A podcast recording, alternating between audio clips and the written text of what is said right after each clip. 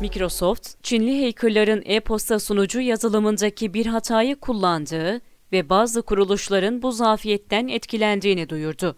Microsoft tarafından yapılan duyuruda, Çinli bir hacker grubunun Microsoft'un e-posta sunucu yazılımında bir zafiyet keşfettiği belirtildi.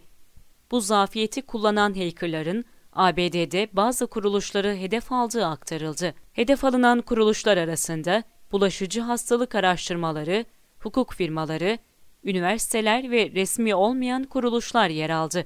Microsoft, saldırı yapan hacker grubunu üstün yetenekli, sofistike bir grup olarak betimledi. Firma, söz konusu zafiyetin kapatılması için gerekli güvenlik güncelleştirmelerinin yapıldığını kaydetti. Saldırının detaylarını da paylaşan Microsoft, Exchange Server sisteminin hedef alındığını bildirdi. Microsoft'un e-posta sunucu yazılımı olan Exchange Server'a yapılan saldırı sonrasında sunuculara erişim sağlayan biri taklit edildiği kaydedildi. Ardından kuruluşların ağdaki bilgileri için uzaktan kontrol sağlandığı belirlendi. Zafiyet, Volexity isimli güvenlik firması tarafından keşfedildi.